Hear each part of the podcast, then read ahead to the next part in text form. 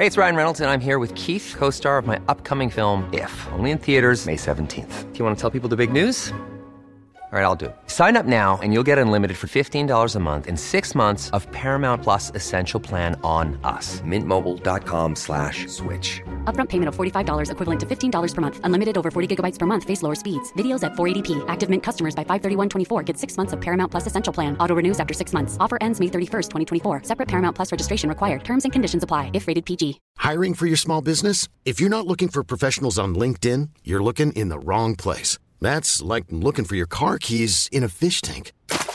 LinkedIn helps you hire professionals you can't find anywhere else, even those who aren't actively searching for a new job but might be open to the perfect role. In a given month, over 70% of LinkedIn users don't even visit other leading job sites. So start looking in the right place. With LinkedIn, you can hire professionals like a professional. Post your free job on linkedin.com slash achieve today.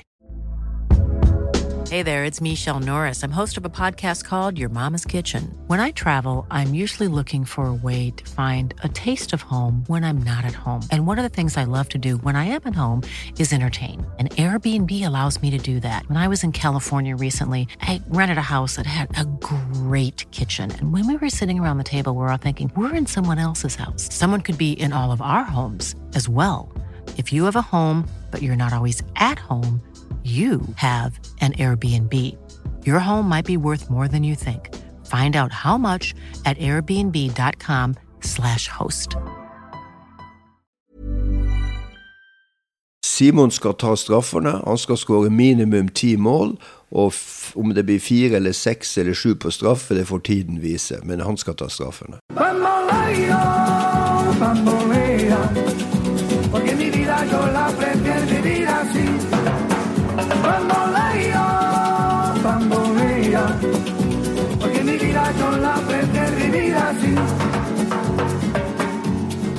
Hola Marbella.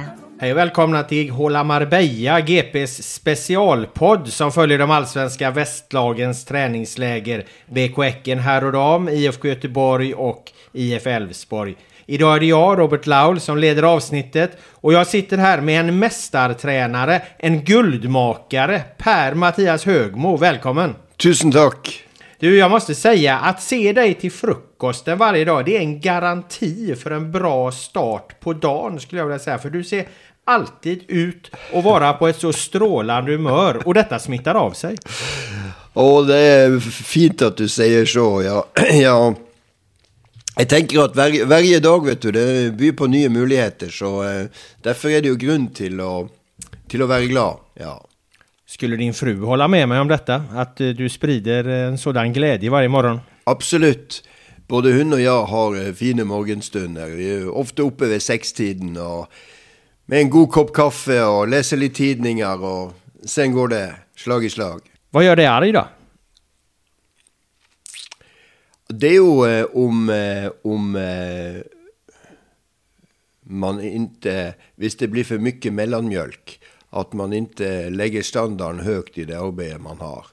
Eh, vi jobber etter Hekkens standard, og det, det ønsker jeg i, i, i situasjon.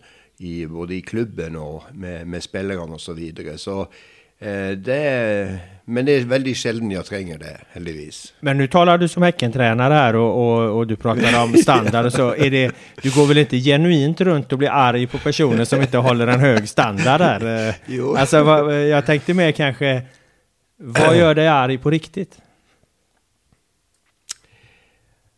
Um, jeg tenker så her at det er jo altså, Først og fremst kanskje urettviser uh, i, uh, i, i samhället i dag når, når, uh,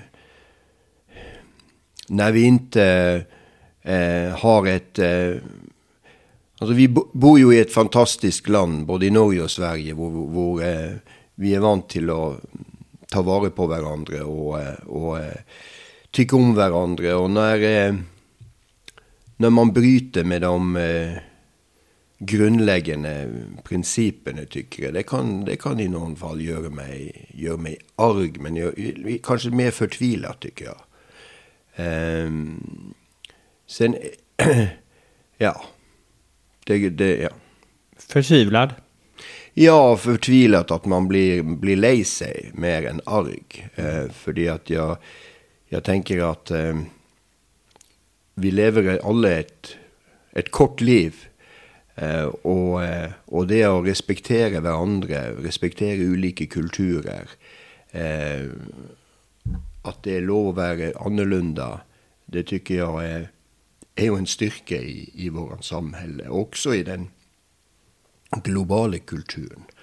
At vi lærer å respektere hverandre. Og når, eh, når Opplever du at toleransen for det har minsket i, på senere år? Eller? Ja, jeg tykker jo at uh, toleransen i både i en globalt perspektiv, altså mellom ulike länder, så ser vi til en, en situasjon hvor det blir mer og mer diktatur, og enkeltmennesker setter standarder i, i, i, i verdenssamhellet, med, senest med Russland nå. Det, det, det, er jo nesten utrolig at sånt kan hende i, i 2022 og 2023.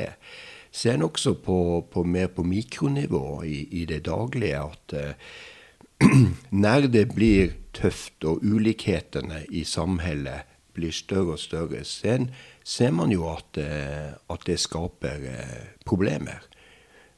Merker du av det i din trenerhverdag blant spillere og, og, og ledere og kolleger kollegor och i fotballverdenen så å si også? Jeg tenker vi er jo privilegert som lever i, i, i, i en fotballsverden, og, og, spesielt i eliteverden som vi gjør. Vi, eh, vi, har det mye bra, og det sier jeg ofte til spillerne og, og ledere at vi, vi, må komme ihåg det. Vi er privilegert. Sen er det jo sånn med oss også at eh, man merker jo eh, Enkelte merker jo at eh, ting blir dyrere, at eh, elprisene går opp osv.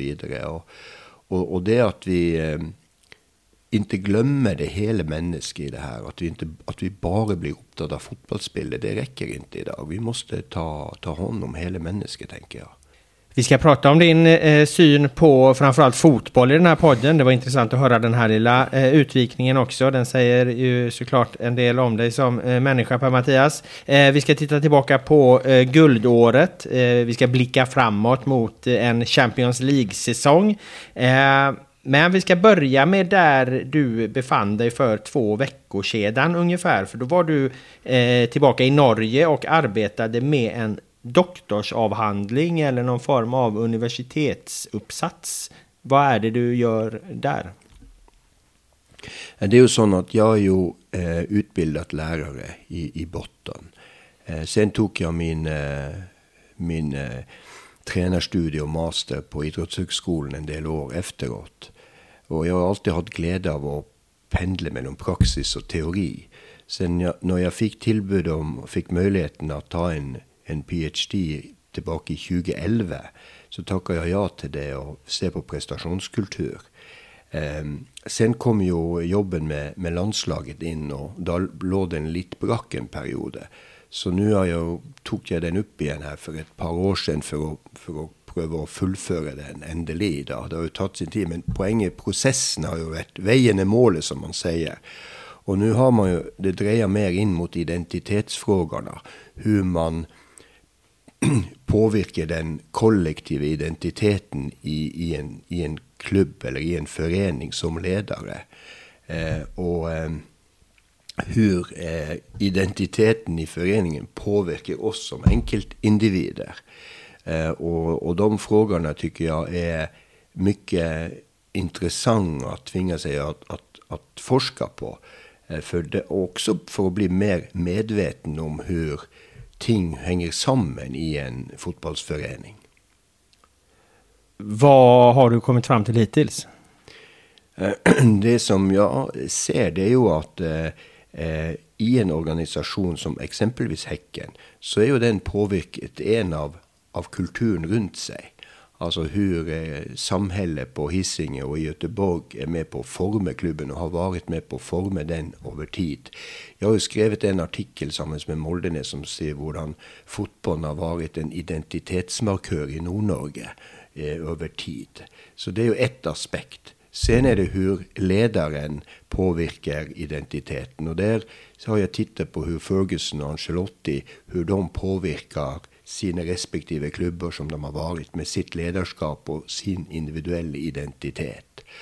Og sen har jeg jo vært opptatt av eh, det mentale og jobbet strukturert med utvikling av mindfulness, eller nærværenhet. Eh, og bruker både yoga og andre virkemidler for å styrke den nærværenheten. Og, og, og, også se på det som et, et lagbyggende. Og der kommer det mer og mer forskning på at den type trening er også med på å påvirke den kollektive identiteten gjennom økt nærværendhet og økt respekt osv. Eh, det, du, den, det du holder på med nå, eh, hvilke, hvilken av alle deler er det? Eh, ja, nå er det den, den, den siste artikkelen, som det heter, i en, en av, av fire. Eh, den fjerde artikkelen. Det, det handler jo om å skrive om da bruker jeg en såkalt autoetnografi. Dvs. Si at jeg skriver om meg selv og mitt lederskap, og hvordan jeg har vært formet som, som fotballtrener og leder gjennom min oppvekst i, i, Norge. Hvor jeg også kommer inn på Åshøyden BK, og hvordan de bøkene faktisk var med å inspirere meg til, til uh, både som fotballspiller og leder. Eh, og apropos det, så ringte Bjørn Nordquist meg på julaften klokka seks og, og taler om, eh, om, når han spiller inn filmen i Åshøyden, men by the way. Så, så jeg skriver en, en, egentlig en artikkel som en forskningsartikkel hvor jeg forsker på mitt narrativ. Men hva ville Bjørn Nordquist når han ringte på julaften? Og Han ville gratulere meg, si god jul, og det var jo min sønn, uten at jeg visste det, som hadde fått tak i hans eh, nummer, og sa det at Per-Mathias var en stor fan av Åshøyden ballklubb, og, og, du som spilte inn og var Baggarn Olsson, og fikk han til å ringe meg, hvilket var fantastisk. Og vi hadde en lang eh, prat, og han bor jo rett utenfor Gøteborg, så vi avtalte å, å, å møtes. Men det är intressant att, att den här fjärde delen då i artikeln här, den fjärde artikeln som du håller på med, att du, du, eh, du tittar på dig själv då och din fotbollsidentitet mm. och, och, hur du har formats som fotbollsledare då. För jag hade faktiskt en del, en del frågor eh, kring den biten eh, som du kanske har enklare att svara på då. Men vad skulle du säga var ditt eget viktigaste bidrag till BK Häckens historiska SM-guld här 2022? Jeg tenker at, eh, at eh, punkt én var jo mye av det vi gjorde i 2021. At vi klarte å legge et grunnlag gjennom å ta nok poeng og utvikle spillere som eh, typ Vålemark, som vi satsa på, eh, som egentlig var en benkspiller når jeg kom, men jeg kjørte han inn, og vi eh, utvikla han og fikk så mye penger inn at vi var i stand til å, til å få en bra trupp. Det var ett virkemiddel. Eh, sen eh, tycker jag att den, den, studien man gjorde i forhold til Jeg er jo inspirert av, av 433 og, og, Nils Arne Eggen og den reisen de hadde, og jeg var jo mye nær venn med, med den familien. Så den kom jo fra Holland og Rinus Michel osv. Så, videre. så det å hitte et måte å, eh, å spille 4-3-3 på som var Hekkens måte å gjøre det på. Og det er også det her med som jeg har sett i Jeg har jo også skrevet om, om spelet og forska på spelet. Og det vi ser, det er jo at tid- og romfaktoren blir den som utvikles hele tiden. Så det å, det å, å, å få snabbheten i angrepsspill og se på hvor vi kan hente sekunder i, i våre spill, det tror jeg har vært en, en, viktig del av det.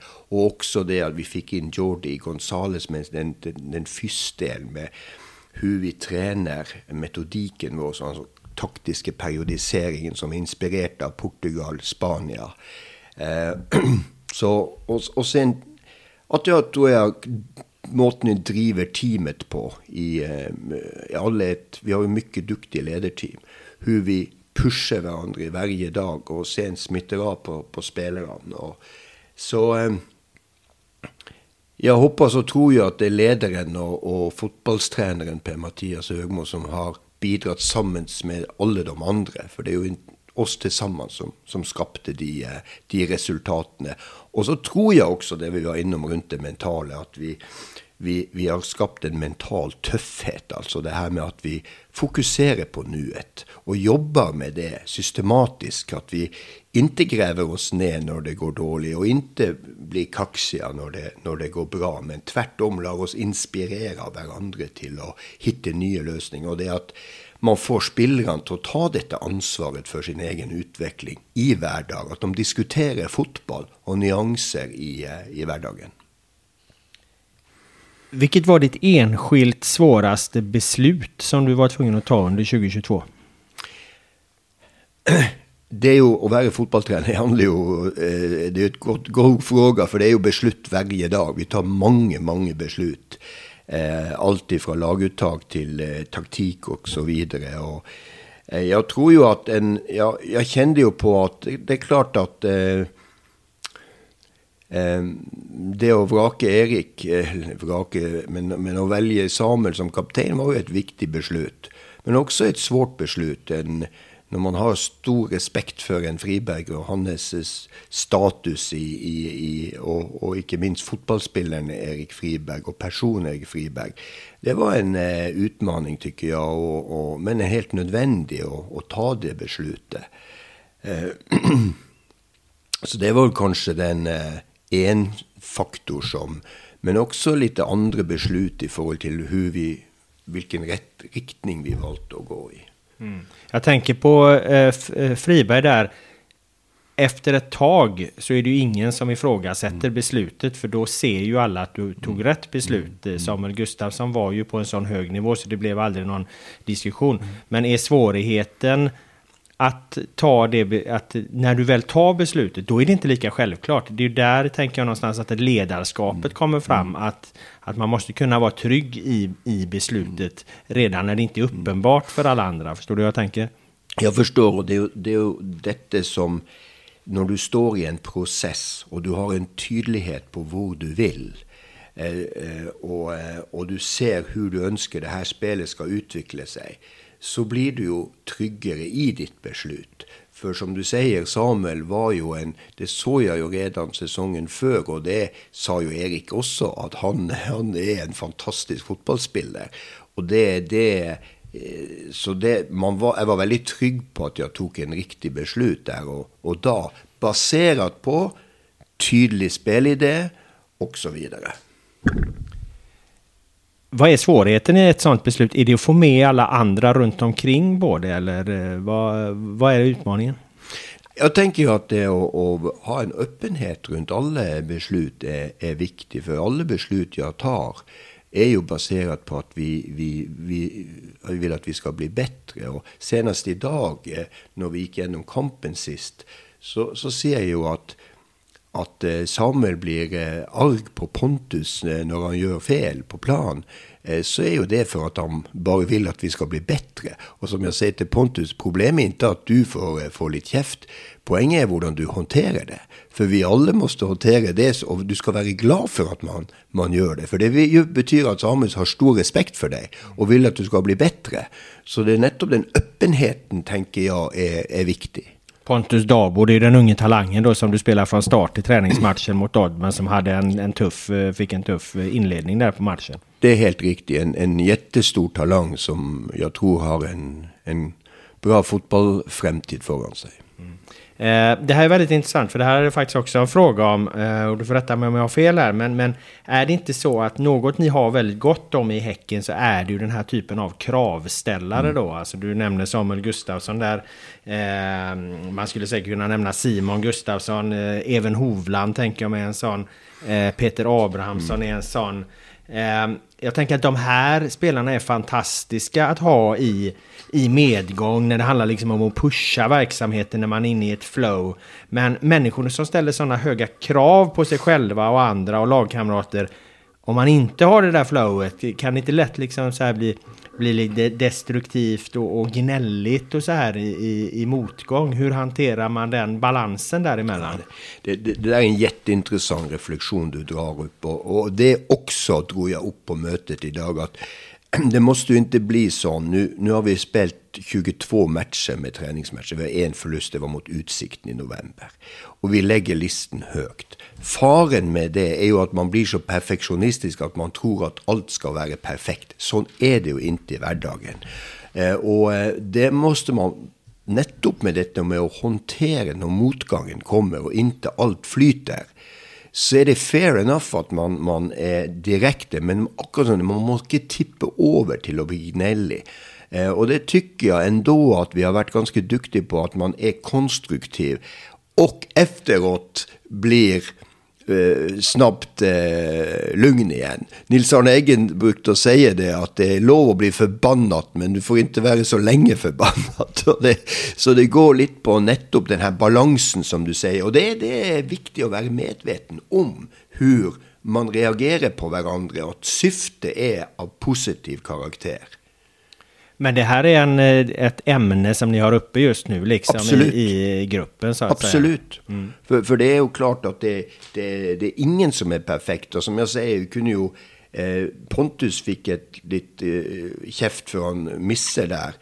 Konstrik som sådan. Og jeg kunne jo brukt ti minutter i, på, på efteråt snakke om Eve Hovland som gir dem 2-1.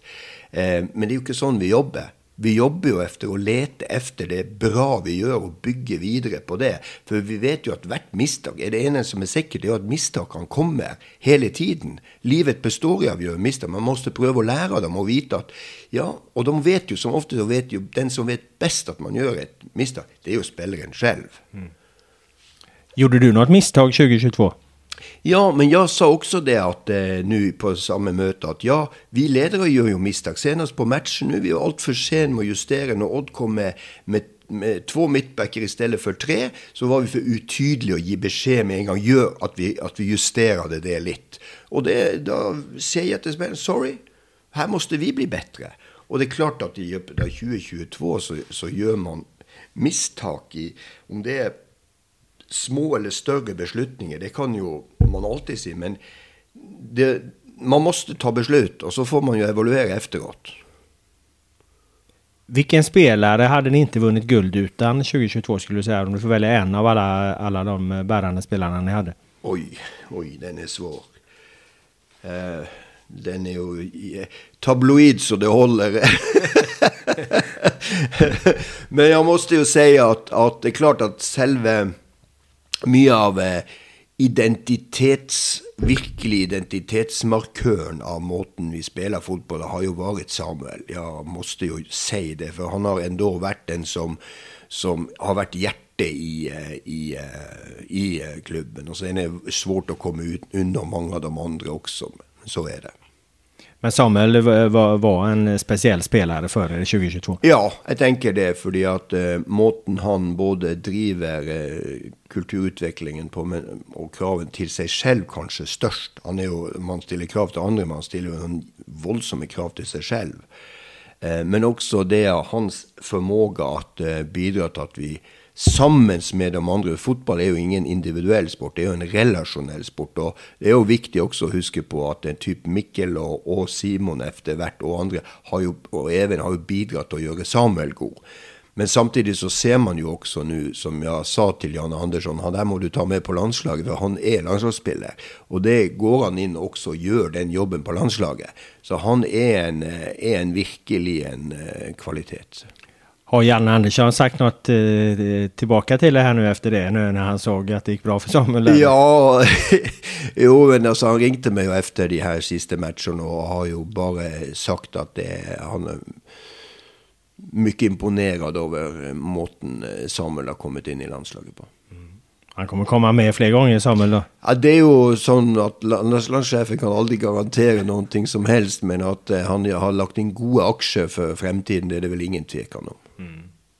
Hva tror du, da? Jeg tror jo selv, selvklart at han kommer med neste gang. Det vel, skal vel ingen tveke om. Og så får man jo se hvordan man ønsker å kombinere laget nå. Det blir jo spennende å se nå i, i, i de kvalkampene som kommer opp. Mm. Apropå kval da, Per-Mattias. Eh, hur rent konkret forbereder ni er på at ni skal inn i et Europakval denne sesongen? säsongen? For den blir jo litt annorlunda på det settet. Ja, vi får jo en, en juli og augusti med tre kamper stort sett hver uke. Eh, så det börjar vi for så vidt med redan fjoråret med at vår, treningsbelastning har vært mye høy på, på la oss si på onsdag, torsdag, som jo skal gi, være likt med en matchbelastning. Sånn at vi skal være så langt som mulig kunne spille tre kamper i vekkene, og at spillerne skal tåle det.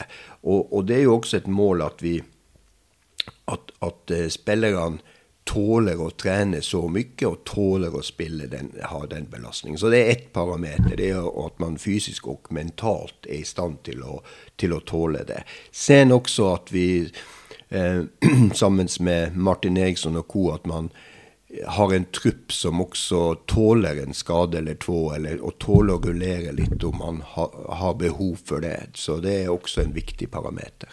Hva tykker du at Hekken bør kunne få ut av 2023? Har du satt noen mål som du tykker at ni skal kunne oppnå? Klubben har jo som mål å, eh, eh, spille så ofte som mulig i Europa. Eh, og det er klart, når man da har kvalifisert seg, så ønsker man jo å komme til et gruppespill. Og det skulle vært fantastisk å gått inn i et Champions League-gruppespill. Det var jo med Rosenborg i 2005, og det er jo en fantastisk happening. Så det er jo, målet er jo klokkeklart. Er jo å komme til, til et gruppespill, og så bra som mulig. Eh, sen håper jeg jo at vi, at vi klarer å, å eh, henge med også i, i, uh, i, i toppen i allsvenskene. Eh, men det er klart det blir tøft. Det er mange lag som ruster seg veldig. og og eh, vi er helt avhengig av å bli, bli, bedre på en del områder om vi skal kunne være med sånn som vi var i fjor. Hvilke lag er det du ser der som eh, skulle være bedre enn Hekken eh, 2023? da? Ni var jo tvekløst det beste laget 2022. Hvilke, hvilke, hvilke, lag er det du tror kommer, eh, kommer tilbake eh, nå? Jeg tenker jo at det er jo alltid de tre Stockholmsklubbene vil jo være med der oppe. De har jo både ressursene og alt som skal til. og og, og, det er klart at jeg vil jo tro at Malmö nå virkelig har, er revansjsugen etter, etter fjoråret. Og de, de, de, fire klubbene er, er jo eh, Sen er det jo også interessant å se klubber som Elfsborg, IFK Göteborg og, og IFK Norrköping osv. Som, som ligger bakom her, og som jo har tradisjoner på å være der oppe. så det blir nok en fantastisk allsvensk sesong. Jeg ser at det selges eh, billetter, eh, sesongbilletter som aldri før. Og jeg syns jo det er så kult med dette produktet, allsvenskene, som er jo en, en, en, europeisk toppliga når det kommer til interesse og fascinasjon rundt matchene. Mm. Men du sa at Häcken eh, behøver bli bedre på en del saker for at, for at kunne henge med der i toppen igjen. Da. Hva, hva ja. var det du syftet på eksakt da? Ja, jeg tenker på at vi vi måtte bli enda bedre i det relasjonelle. Altså samhandlingen, som vi sier i Norge, mellom, mellom eh, spillerne. Sånn at, går, sånn at det går snabbere i, eh, i våre anfallsspill. Og at vi kan bli noen gang enda mer direkte inn bakom motstanderne. For vi har mye speed nå i frontleddet vårt. At vi klarer å utnytte det. At vi klarer å videreutvikle den, den sterke midtfeltet vårt. Eh, og, og, også at back, sidebackerne våre tar nye steg nå i sin offensive kompetens. Blir enda sikrere i sitt pasningsspill. Og, og ikke minst også at midtbackene fortsetter å utvikle sin formåge at, eh, at utmane og skape overtall høyere oppe i planen. Og at Peter og målvaktene nå så vi snakker mye med Krikkan og på at de blir også enda mer offensive og står høyere i planen og være med i, i, det offensive spillet på, på, et lite knepp opp. Så der ligger hovedfokus. Og, og, og sen har jo vært innom selvfølgelig at vi har litt ja, at vi i våre presspill, återvinningsspill og én mot én defensivt, der ønsker vi hele tiden å, å, å forbedring. Mm.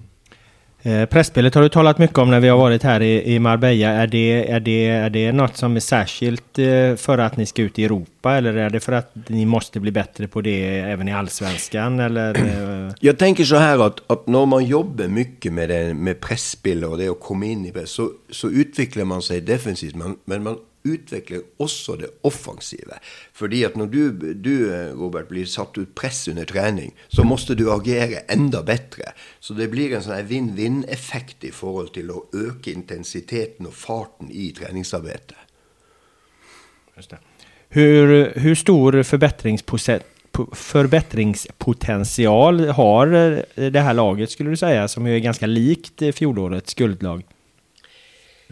Jeg tenker jo at vi, vi, vi, var jo et ganske nytt lag i fjor. Vi, vi, fikk jo seks-syv nye spillere som skulle sette seg. Så jeg håper jo at, at, det at vi får enda mer tid til å nettopp dyrke dem samhandlingen og hvordan vi kjenner hverandres styrker, at vi får utvikle at det kan bidra til å gjøre oss, gjøre oss bedre. Du nämnde att du har varit i, du har ju stått på vid tränarbänken under ett Champions League-gruppspel här. Det, det, var ju som tränare för Rosenborg då i 2005 eller 2006 mm. någonstans där va? Ja. Um, hur var det att stå där och lyssna på hymnen och jo. du som har varit med? Jo, men det är klart det är det största du kan vara med på eh, som klubbtränare och, och vi var ju etter å ha gått gjennom til gruppespillet, så hadde vi Real Madrid, Olympic Lyon og, Olympiakos, og det var jo herlige matcher, alle de seks matchene. Og vi, vi lyktes jo å, å, komme foran Olympiakos i, i det. Og vi, kommer jo, vi leda 1-0 borte mot Real Madrid i, til pause på, på, Santiago Bernabeu med, med Beckham og, og Kos og Senedan Zidane. Og, og det er klart at det, jo, det å mete seg mot de beste tycker jag alltid har varit inspirerande. Både som herre och tjej landslagstränare och också i Europa. Jag har haft många Europacupkamper med Tromsø också. Och jag tycker det är liksom den, det ultimate å, få testat sig både för spelare och, och ledare och klubb mot, mot de bästa. Vad betyder det för Häckens del här tror du att, att uh, faktiskt ha en person då på ledande nivå, det vill säga du som har varit mm. där tidigare, som mm. vet vad det krävs för förberedelser och eh, så här. Vad, vad betyder det? Nej, jag tänker att det, det på samme sett som på spillerne, at det er viktig å ha rutinerte spillere som har vært med eh, på det her tidligere. En kombinasjon av det og unge spillere. Så er det jo også med oss ledere at vi har ledere med, med kontinuitet som har vært med på det ypperste nivå, eh, kombinert med, med young coming eh. Ja. Så, så det, og det ser jo på den internasjonale matchene at eh, det er når ulike kulturer i enda større grad. ikke sant? Når, når du trekker lag fra ulike deler av Europa, så vet du at du møter litt annerledes kulturer enn du gjør i allsvenskene. Så det, det handler jo også om å, om å være forberedt på det. Det handler om åker du til Øst-Europa og spiller bortematch, ja, da er det litt annerledes forhold osv. Så, videre. så det her å være forberedt på alt som møter deg, og også dette med å spille tre kamper i vekkene, hvordan det påvirker oss mentalt, fysisk osv. Hvordan vi reser og gjør makser alt rundt spillet også. Jeg tror det du nevner der, er veldig stor del av en klubb om en klubb klarer eller ikke. Mm. Liksom. Normalt så behøver man jo lära sig det där. Liksom. Man får prøve gång på gång och, och så. Men titta på Djurgården till exempel. De har försökt och de har forsøkt försökt och de har försökt och till slut så kommer de ut ja. i Europa. Malmö försökte, försökte. Ja. Till slut kom de i Europa. Och så får man den här rutinen och så. Ja, det er veldig godt poeng. Og, og der, det kommer jeg ihåg også Rosenborg, som jo var, har en unik historie der med Nils Arne. De var jo i ti gruppespill på rad på 90-tallet. Og, og, det begynner jo i starten med Nils Arne sa ja, men jeg skal spille likedan borte som hjemme. Og han kom hjem med 0-5 i baken borte mot Sampdoria og, og liksom og, og, måtte justere seg litt inn, selv om han var angrepsvillig så det holdt. Så justerte han opp, og til slutt så slo man jo Milan borte i, eh, i Champions League-kvartfinalen. og yes, Sånn er det. Häcken spelar väl ungefär likadant borta och hemma, eller har ni inte gjort, gjorde ni inte det 2022? Jo, jo det är helt riktigt och, och, och jag har ju en motivasjon for at vi også skal kunne gjøre det i, eh, i, Europa. Samtidig så har vi jo også vist at vi har utvikla fleksibiliteten. For tar du andre halvlek borte mot Djurgården på Tele2, så ser vi jo at Djurgården får et visst spillemessig overtak. og da er vi dyktige til å forsvare oss og egen boks osv., så videre, sånn at vi kan drepe en match. Og det er også sånn man måtte lære seg. Så man får jo ikke bli Man får lov å være litt naiv, men ikke så veldig mye naiv bestandig, i hvert fall. Eh, det er jo interessant här, du var i Champions League da med Rosenborg der, det er nesten 20 år siden. Eh, ser du fotboll på samme sett i dag, eller har din grunnsyn forandret på noe sett? hur du forholder deg til fotbollen?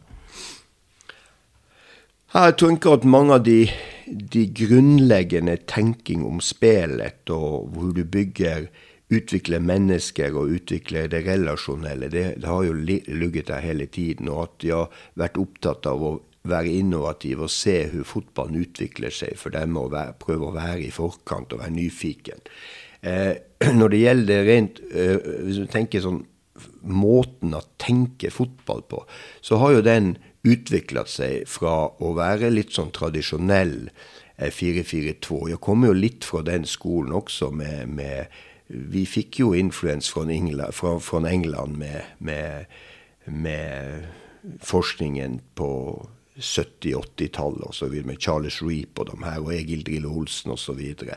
så det var jo et sonespill med høy forflytningskraft og kontringsspillet som sto sentralt.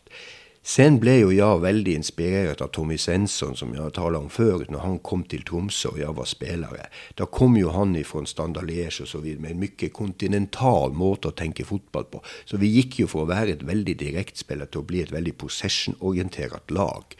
Og hadde suksess med det også. Og jeg så jo da at det er jo denne miksen jeg måtte prøve å utvikle meg som, som trener på. at ja, det skal gå så snapt som mulig å utnytte den ubalansen hos motstanderen, men at man samtidig også måtte ha en, en, en evne til å kontrollere ballen, og dermed utvikle den type spillere da, i, i, i, norsk fotball som gjorde at vi, at vi kan være en, på internasjonalt høyt nivå. Og det tykker jo å, å se enda mer nå at den, den eh, kombinasjonen der har jeg stor tro på. Og, og, og jeg, når, sånn når man ser fotball, så, så eh, er jeg jo i dag av den oppfatning at den 4-3-3-en vi spiller i dag, den er mye moderne, og den står seg fordi at eh, den, eh, du får den her overtaket sentralt i midtbanen, og du får trua rom bak tidligere, og du utvikler ulike spilltyper som jo hele fotballen er avhengig av. Og, og ser man på på norsk fotball nå, så er det vel nettopp det vi har klart å utvikle. At vi har klart å utvikle enkeltspillere. Nå har vi to av verdens desidert beste spillere. De er jo renka på topp fire-fem med Martin Ødegaard og Haaland i, i, Europa, i, i verden. Eh, og, og, gikk vi til Norge på 90-tallet, så trodde vi man aldri kunne bli best utvikle toppspillere. Man trodde jo man måtte være søramerikanere eller søreuropeere for å ha genetikk for å gjøre det. Nå vet man noe annet. Og eh, jeg tror jo det at det er nettopp dette med at man eh, skaper den troen gjennom hardt arbeid og kunnskap, er, er, det som er nøkkelen. Mm. Uh, og at jeg som 63-åring sitter her nå, det er jo for at jeg fortsatt er nyfiken på, på, at vi, på å utvikle meg. Mm har fotbollsutvecklingen nått vägs ände vad det kommer till formationer och så här och att det snarare nu handlar om att få spelare att agera i eh, eh, mer på planen i, till exempel om du är högerback så ska, ska, du också kunna spela som central mittfältare för du ska kunna kliva in där. Att, att, att, nu handlar det inte om att laborera mer egentligen med formationer. Vi har de formationerna, det kommer vara de formationerna. Men, men eh, som spelare så måste du behärska mycket, mycket fler delar av spelet fotboll i framtiden. Är det den utvecklingen man kommer kunna se framöver eller vad tänker du dig? Jag tänker det var intressant att reflektera nettopp över de frågorna nu efter siste mesterskap nå. For, for det bruker jo ofte å komme ny, litt nye trender. Og det så man jo i, i Brasilien. Da så man jo at det begynte komme med en fembekkskjede tilbake igjen. Og du så 5-4-1 osv. Og, så videre, og til og med van Gaal spilte 5-4-1 med, med, Holland. Eh, så jeg tror du har rett at formasjonene de de er noe der. De kommer til å variere med femmer eller firer eller treer osv. Men man, altså beredskapen, altså standarden, den lågste standarden for hvor mye du, du, du eh, Hvor mye kompetens du har som fotballspiller, den øker hele tiden. Eh, så det nytter ikke å bare være god på det, eller bare være god på det. Samtidig så tykker jeg at vi så i VM at også at vi det var ikke så mange av disse verdensstjernene som stakk seg ut. Altså, du så, Selvfølgelig Messi så du, ikke sant? Men hvem er det nye Messi, det nye Ronaldo? Ok, Haaland nevnes, ikke sant? Men, men uansett, og den nye Zlatan. Eh, fordi at den, de kravene øker jo enda. Når, når, basisen blir så høy, mm. så er det jo hvem klarer å stikke seg ut og, og gjøre de her skilnadene. Og det tykker jeg er fascinerende å se. Hvordan klarer vi å utvikle verdensstjerner nå, og hvem kommer det å bli de neste årene? Mbappé er vel et eh, bra navn der? Ja, han er jo definitivt et, eh, et navn som, som stikker seg ut. ja. Hva tykker du er det viktigste for å vinne en fotballmatch? Ja, det er jo eh, å skåre flere mål enn motstanderen, selvfølgelig, som er det banale svaret. Men, men jeg tror jo på at eh, den Vi har vært innom den stabiliteten og den kulturen man bygger eh, over tid, med kontinuitet osv., som gjør at man at det blir klarere hvilke beslut man tar som sportssjef, som trener, som spiller at den tydeligheten i, i, kulturen, sånn at vi kan ta små knepp hver uke og år i forhold til å, til se riktighet, at det ikke blir for store omskiftninger, at man liksom tilbake til null, og så begynner på nytt. Nei, nå tror vi på det, nå tror vi på det. Jeg tror den den her standhaftigheten til å stå på det man tror på, det er min erfaring. For jeg har jo merket noen ganger at i min yngre karriere at hvis man er satt under press, så er det lettere å tenke ja, hva faen, nå tror jeg må hitte på noe nytt, osv. Men nettopp det her med å være tro, tro mot det du tror på.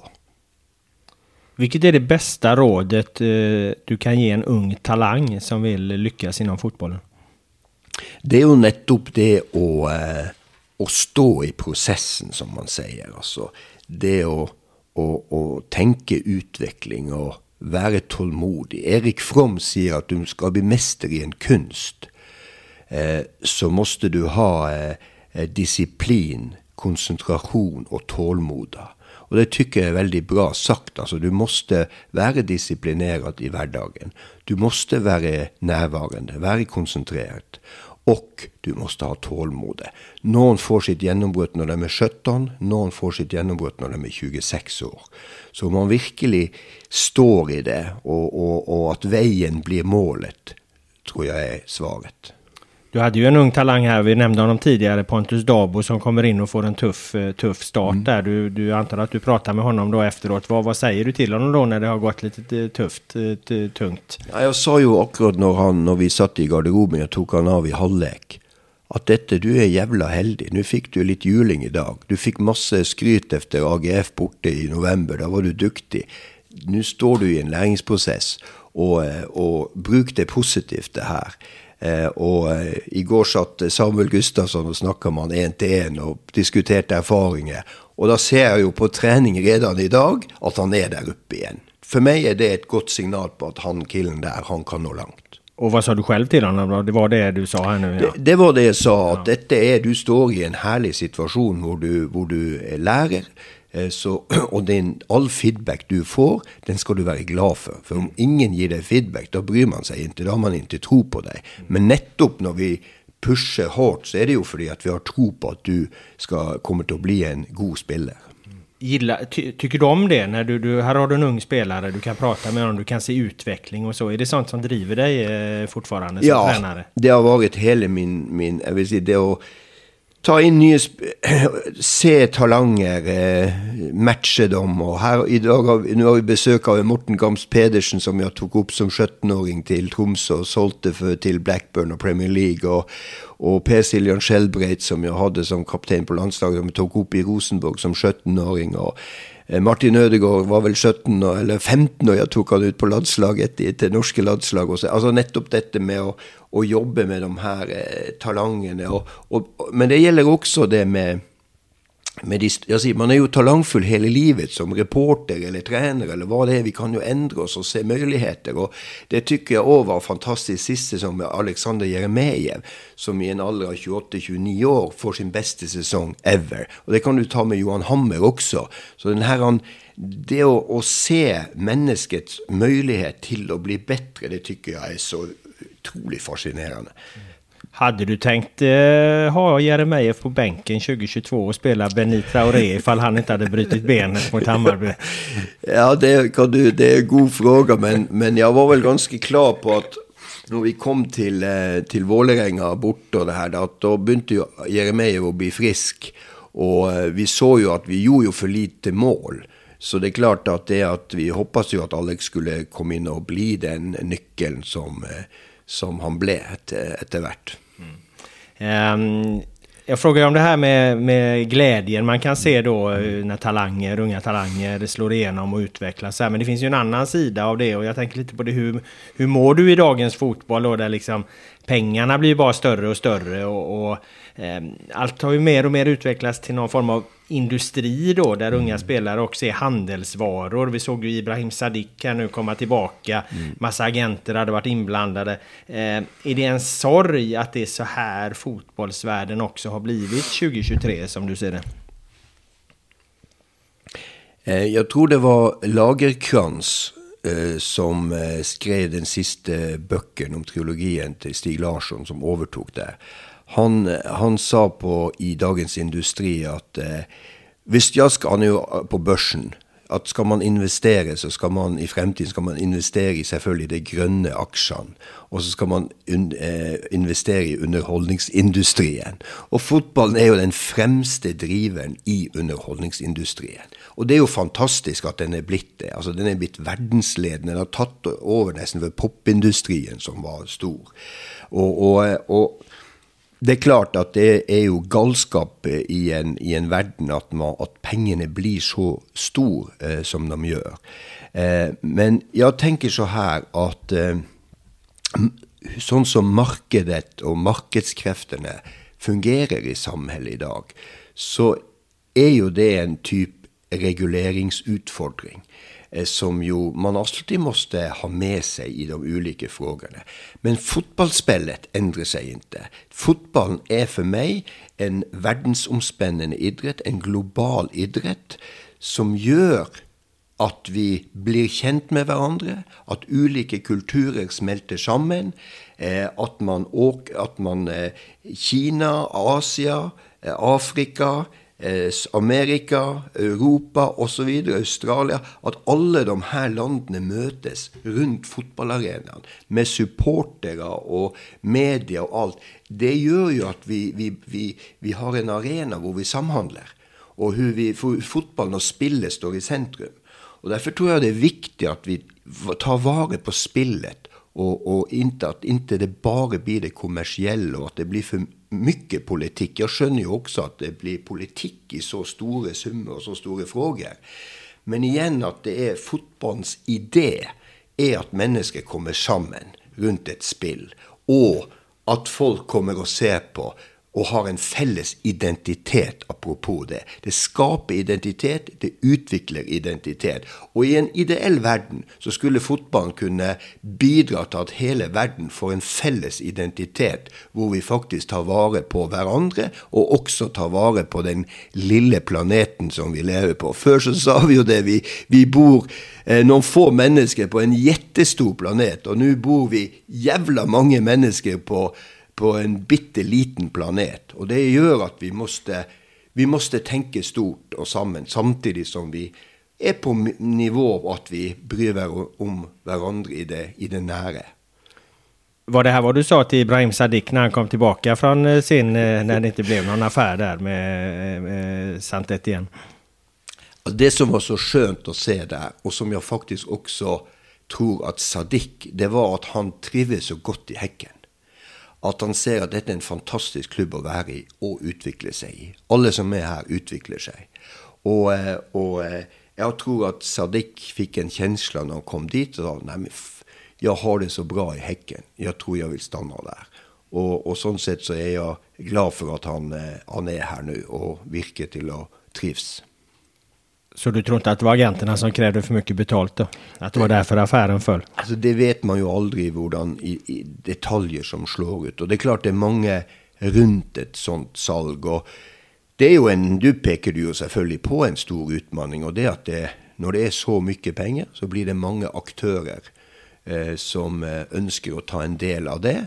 Og det er ikke bestandig, eh, uten at det har noe med Sadiq på generelt grunnlag, er ikke det bestandig at besluter som blir tatt, nødvendigvis er til det beste for, for, for spillere. Har det blitt svårare å skapa lagsammenholdning mellom spillere og i et lag eh, så som fotballverdenen har utviklet, med overgangssummer og, og eh, fri rørelse og, og den markedet? marknaden? Får ni jobba mer med å, och, eh, få ett eh, lag som drar åt samme håll? Nei, jeg tycker egentlig ikke det. Jeg tycker at eh, jag ser om man, om man om man bruker tid og investerer i, eh, i lagbygging, eh, og, og, dette skriver jeg jo mye om nå, og, og, bryr seg om hvordan du bygger identitet eh, med samspillsregler om verdier man, man, skal leve etter osv. Der tykker jo Hekken ballklubb som fotballklubb er veldig tydelig på sitt verdigrunnlag. Man er opptatt av utvikling. Man er opptatt av holdbarhet. Man er opptatt av ungdommer. Og når dette fokuset lever i hverdagen, så skaper det en sterk identitet, som igjen gjør at om man kommer nye personer inn i denne virksomheten, så blir man en fanget av, av det. Jeg tenkte på en detalj fra matchen mot Odd som jeg skal ta med deg innan jeg slipper deg det her, for du skal iväg og kolla på Hammarby. Eh, du rop, det, Benny Traoré er på vei fram og tar, eh, skal ta straff, men mm. du roper Simon, ja. og så kommer Simon eh, dit og tar straffen ja. stedet. Eh, var det bestemt at Simon skulle slå den, eller var det noe du kom på da? Nei, Simon skal ta straffene. Han skal skåre minimum ti mål. Og om det blir fire eller seks eller sju på straffe, det får tiden vise. Men han skal ta straffene. Ok, eh, for at det her var hans første mål i eh, Häcken ja. sen han kom tilbake igjen, sen återkomsten. Eh. Det er helt riktig, og, og det som jeg også sa efteråt i dag, det var at dette var den beste matchen jeg har sett av Simon Gustafsson. Han var helt outstanding i den banen. Han, han dekker så store områder. Han skårer mål, han kommer til målsjanser, han spiller andre god. Han er dyktig i presspillet.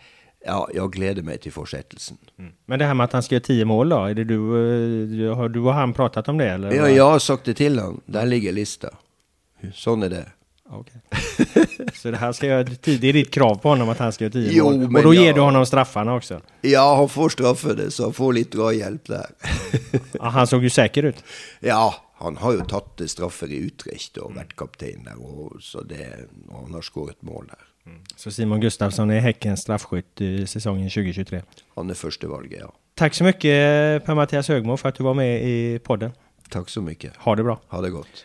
Och tack till alla er som eh, lyssnade. Eh, Hola Marbella är tillbaka med ett nytt specialavsnitt här från den spanska solkusten de närmsta dagarna. Ha det bra så länge.